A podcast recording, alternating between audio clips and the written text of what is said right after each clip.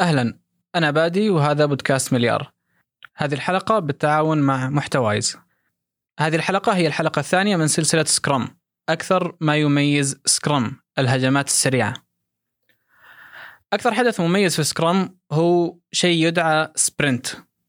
عشان نفهم وش sprint خلونا أول شيء نفهم معنى الكلمة لغويا. يمكن البعض مرت عليه هذه الكلمة. يقولونها الشباب للدلالة على الجري السريع لفترة قصيرة. فتح sprint بالذات في مباريات آه، الكورة. نرجع للمنتجات التقنية. كيف نفتح sprint؟ المقصود أننا ننطلق ونطور مميزات قليلة بشكل سريع ثم نوقف جري ونراجع الشيء اللي سويناه وناخذ انطباع من ال stakeholders stakeholders هم الأشخاص ذوي العلاقة. وبعدها نخطط للجولة الثانية لل sprint الثانية. بناء على تفاعل المستخدمين مع الشيء اللي قدمنا لهم في ال sprint الأولى. ننطلق مرة ثانية في sprint أخرى ونبني دفعة جديدة من المميزات. تخطيط هجوم سريع مراجعة وتقييم. تخطيط هجوم سريع مراجعة وتقييم. هذه الثلاث خطوات هي sprint planning sprint sprint review. في Scrum هذه هي ثلاث اجتماعات مهمة كلها مرتبطة في sprint sprint planning لما نبدأ نخطط لل sprint ثم ال sprint نفسها لما نبدأ ننفذ ثم sprint review نراجع فيها ونشوف الشيء اللي أنجزناه. عادة sprint مدتها أسبوعين وتمتد بحد أقصى لشهر واحد فقط. والهدف من قصر المدة هذا أننا ما ننغمس في بناء المنتج بشكل منعزل عن الواقع. ضروري كل شوي نعرض الشيء اللي بنيناه على المستخدمين.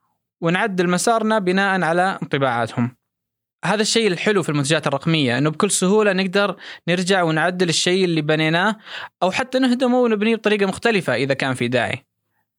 في sprint planning نجتمع كلنا ال product owner، ال development team، Scrum master. ويبدأ ال product owner بعرض الأشياء اللي مجهزها لل sprint القادمة على ال development team.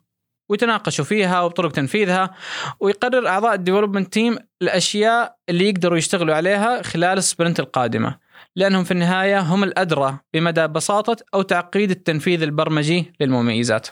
وطوال فترة ال sprint ال product owner وال development team على تواصل مستمر عشان يتأكدوا إنهم فاهمين بعض وشغالين صح.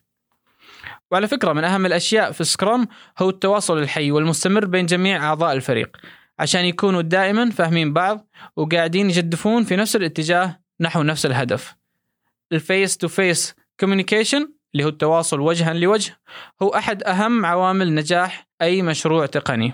وهذا من الأشياء اللي يركز عليها Scrum الآن بعد ما عرفنا وش هي sprint راح نتكلم في الحلقات الجاية عن دور كل شخص في Scrum مالك المنتج وش دوره وش الاشياء يسويها. ال development team اللي هم فريق التطوير. أيضا إيش دورهم؟ إيش الأشياء اللي يسوونها؟